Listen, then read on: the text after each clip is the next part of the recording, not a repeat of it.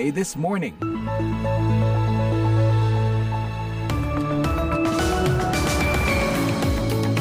Hai, selamat pagi. Bertemu lagi di VOA This Morning, Selasa 22 Agustus 2023.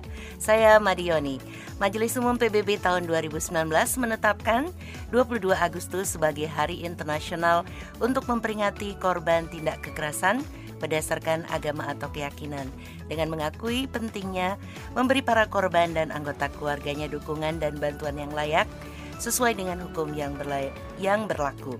Selain itu, tentu PBB juga berharap warga dunia semakin peduli ya terhadap hak-hak kemanusiaan. Semoga ya.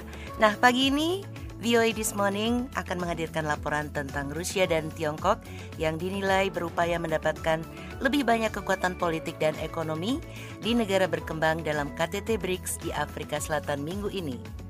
There's in principle an agreement on expansion. Whether we get it at this summit, I think it's still uh, an open question. Pada prinsipnya sudah ada kesepakatan bagi perluasan BRICS, tetapi apakah itu tercapai pada KTT ini? Itu masih merupakan pertanyaan karena Sementara di Jakarta, Myanmar dipastikan tidak akan menghadiri pertemuan Menteri Keuangan dan Gubernur Bank Sentral ASEAN. Nanti akan dihadiri oleh sembilan prinsipal dari negara-negara ASEAN kecuali dalam hal ini Myanmar ya seperti kita tahu Myanmar ada krisis di dalam negeri sehingga Nah, siaran ini juga bisa diikuti secara live streaming di www.voaindonesia.com atau simak lagi dalam podcast VOA This Morning episode hari ini di podcast langganan Anda. Sekarang saatnya kita ikuti berita dunia pagi ini bersama Rifan Dwi Astono. Inilah berita dunia VOA Washington. Amerika Serikat pada hari Senin mengungkapkan kekhawatirannya atas laporan Human Rights Watch yang menyatakan bahwa petugas perbatasan Arab Saudi membunuh ratusan migran Ethiopia dan mendesak dilakukannya penyelidikan secara menyeluruh. Kami telah mengutarakan kekhawatiran kami tentang tuduhan-tuduhan ini kepada pemerintah Saudi, kata salah seorang juru bicara Departemen Luar Negeri Amerika Serikat. Deplu mengatakan petugas perbatasan darat yang terlibat dalam laporan tersebut tidak menerima pendanaan maupun pelatihan pemerintah Amerika Serikat. Pasalnya, Arab Saudi adalah mitra keamanan lama Amerika. Dalam laporannya, Human Rights Watch menyebut para petugas perbatasan Saudi menghujani para migran Ethiopia dengan tembakan ketika mereka mencoba menyeberang dari Yaman, menewaskan ratusan di antaranya setiap tahun. Sebelumnya, salah seorang sumber pemerintahan Saudi menyebut tuduhan-tuduhan itu tidak berdasar. Remaja Rusia akan mempelajari cara mengoperasikan dan menangkal pesawat nirawak alias drone militer mulai tahun ajaran baru berikutnya, menurut kurikulum yang diumumkan hari Senin oleh Kementerian Pendidikan negara itu. November lalu, Moskow mengumumkan akan memulai kembali latihan militer ala Soviet kepada anak-anak mulai tahun 2023, seiring berlanjutnya serangan Rusia ke Ukraina yang sudah berlangsung selama hampir 18 bulan kasus drone, ya maksud saya kursus drone yang diperuntukkan bagi anak-anak usia 15 sampai 17 tahun itu dilakukan ketika wilayah Rusia hampir setiap hari menjadi sasaran serangan drone Ukraina. Selain itu, penggunaan pesawat nirawak juga menjadi sangat penting dalam konflik tersebut. Program militer yang sudah direvisi itu juga mencakup modul yang khusus mengulas senapan serbu Kalashnikov, granat tangan, dan kegiatan menembak.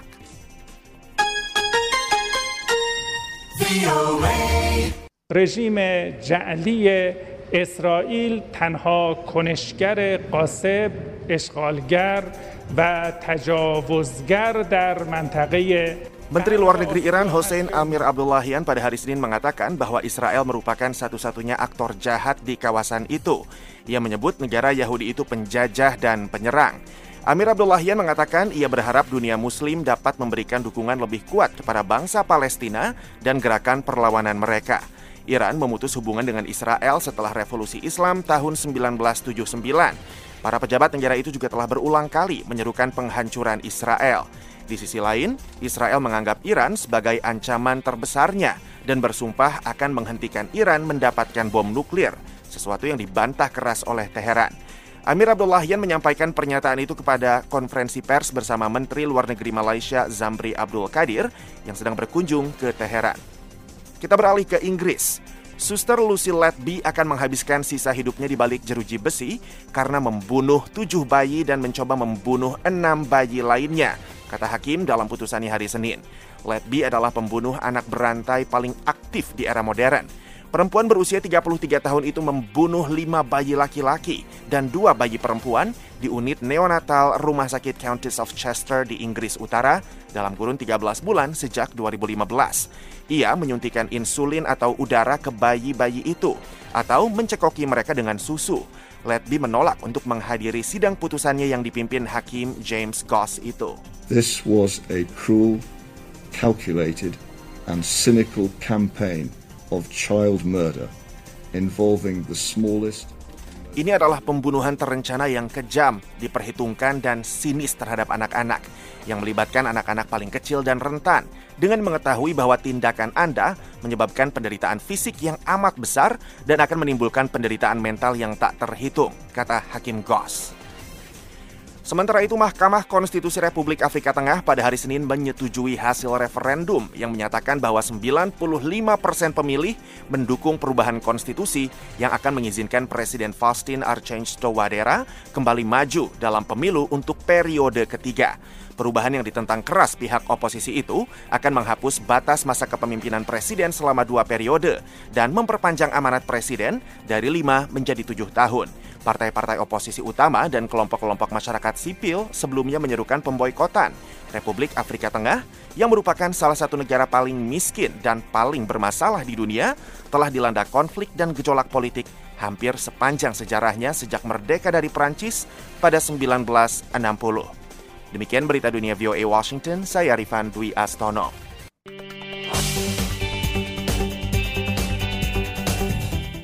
VOA This Morning, Rusia dan Tiongkok akan berusaha memperbesar pengaruh politik dan ekonomi dalam KTT BRICS di Afrika Selatan. Sementara itu India mengatakan bersikap positif dan terbuka.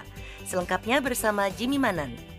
Para pemimpin blok ekonomi BRICS terdiri dari Brasil, Rusia, India, Tiongkok, dan Afrika Selatan akan bertemu selama tiga hari pada tanggal 22 sampai 24 Agustus di Johannesburg, Afrika Selatan. Arab Saudi adalah satu dari lebih 20 negara yang secara resmi telah mendaftarkan diri untuk bergabung dengan BRICS, kata pejabat Afrika Selatan dan penyertaan produsen minyak kedua terbesar di dunia ini jelas akan menarik perhatian AS dan sekutu Eropanya. Filani Mtembu adalah Direktur Eksekutif dari Institute for Global Dialogue. Katanya, There's in principle an agreement on expansion.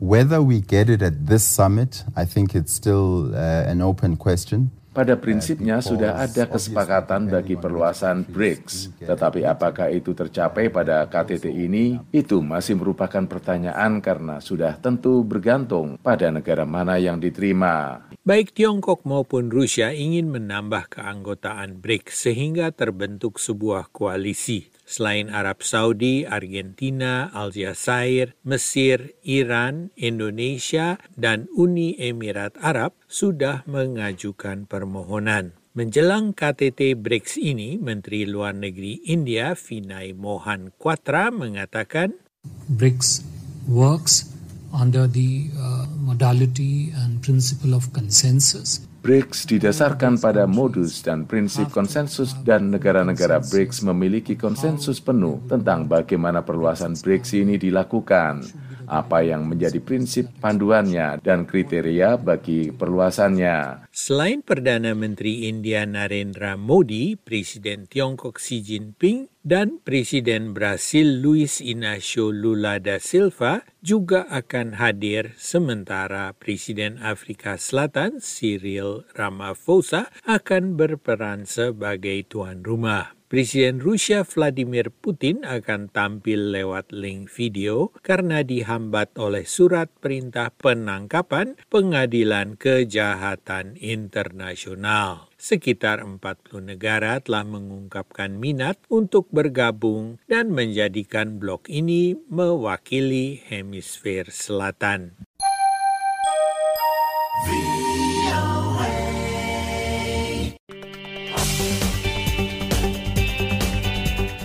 Pihak berwenang Pakistan pada hari Senin membagikan ribuan dolar kepada hampir 100 keluarga Kristen yang rumahnya dihancurkan atau dirusak oleh masa muslim yang marah atas dugaan penodaan Al-Quran minggu lalu. Selengkapnya disampaikan Leonard Triono. Pemerintah Perdana Menteri sementara Anwar ul Haq Kakar mengatakan pada hari Senin bahwa setiap rumah tangga mendapatkan 2 juta rupiah atau sekitar 100 juta rupiah sebagai kompensasi. Polisi mengatakan mereka telah menangkap puluhan perusuh lagi dalam penggerbegan yang sedang berlangsung sehingga jumlah total mereka yang ditahan atas serangan di kota Jaranwala menjadi 160 orang. Pada hari Rabu, ratusan muslim mengamuk atas tuduhan bahwa seorang pria Kristen dan temannya telah menodai kitab suci Islam, Al-Quran. Orang-orang Kristen yang melarikan diri dari rumah mereka untuk menghindari para penyerang kemudian mendapati rumah mereka hancur ketika mereka kembali. Amukan masa tersebut yang merupakan salah satu yang paling merusak dalam sejarah Pakistan mengundang kecaman nasional. Kakar pada hari Senin melakukan perjalanan ke tempat kejadian untuk bertemu dengan korban penyerangan dan membagikan kompensasi. We will never condone the persecutors. Kami tidak akan pernah memaafkan para penganiaya. Jika ada yang melakukan penganiayaan terhadap komunitas apa pun, penuntutan akan mengejar mereka. Dia berjanji dalam pidato yang disiarkan televisi bahwa negara akan memastikan perlindungan bagi minoritas, termasuk Kristen, Hindu, Sikh, dan Ahmadiyah. Kakar mengatakan tidak ada perusuh yang tidak dihukum, dan dia menggambarkan mereka yang berada di balik serangan itu sebagai musuh kemanusiaan. Khalil George, Menteri Sementara untuk Hak Asasi Manusia menyampaikan pengumuman tentang kompensasi tersebut.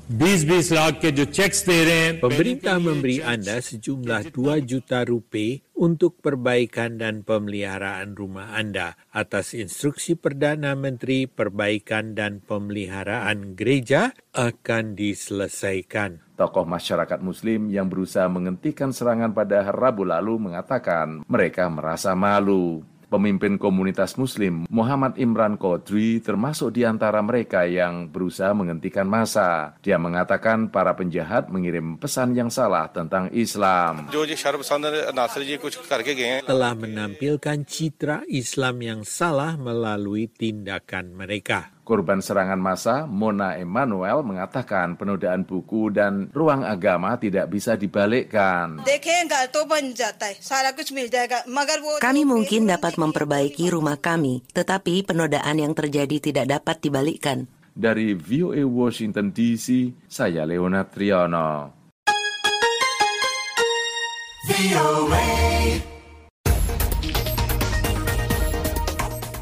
Indonesia yang memegang keketuaan ASEAN kali ini akan menggelar pertemuan Menteri Keuangan dan Gubernur Bank Sentral atau AEFM JM ke-10 untuk kedua kalinya di Jakarta.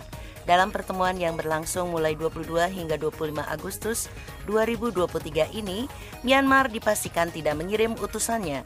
Reporter VOA Gita Intan melaporkan dari Jakarta. Kepastian ketidakhadiran Myanmar disampaikan oleh Kepala Pusat Kebijakan Regional dan Bilateral Kementerian Keuangan Yogi Rahmayanti. Meski begitu, katanya ajang pertemuan Menteri Keuangan dan Gubernur Bank Sentral atau AFM GM ini disambut dengan antusiasme yang luar biasa dari mereka yang akan hadir secara langsung. Nanti akan dihadiri oleh sembilan prinsipal dari negara-negara ASEAN kecuali dalam hal ini Myanmar ya seperti kita tahu Myanmar ada krisis di dalam negeri sehingga tidak akan hadir. Baru lagi juga tahun ini AFMGM akan mengundang Timor Leste juga untuk pertama kalinya. Yogi menjelaskan para Menkyu dan Gubernur Bank Sentral se-ASEAN ini akan membahas target-target yang telah ditetapkan pada pertemuan AFMGM yang berlangsung Maret lalu. Selain itu katanya, mereka juga akan mendiskusikan perkembangan ekonomi dunia yang berjalan dengan sangat cepat, tidak terduga, dan tidak bisa diprediksi. Terkait pilar ekonomi digital, Direktur Departemen Internasional Bank Indonesia, IS Safitri Hafid menuturkan, agenda utama dalam pertemuan AFMGM kali ini, Indonesia ingin mendorong penguatan konektivitas pembayaran di kawasan atau regional payment connectivity. IS menjelaskan, Indonesia Regional Payment Connectivity tersebut dilakukan melalui Quick Response atau QR Code, Fast Payment, data real time gross settlement atau RTGS dan transaksi mata uang lokal atau LCT. Dengan adanya regional payment connectivity ini meskipun kelihatannya retail kecil-kecilan tapi ini tujuannya juga nanti akan menjadi salah satu motor baru untuk integrasi masyarakat ekonomi ASEAN. Ekonom Indef Eko Listiantono sepakat dengan adanya upaya penguatan digitalisasi ekonomi dalam ajang AFMGM kali ini. Mengantisipasi permintaan ke depan ya orang semakin mudah move di antara ASEAN esensial sekali. Nah sekarang esensial keduanya adalah bagaimana transaksi itu bisa mudah gitu. Ini menurut saya sih memang transformasi yang bagus gitu secara umum ya walaupun ya tentu tantangannya banyak ya. Dari Jakarta, kita Intan melaporkan untuk VOA Washington. VOA.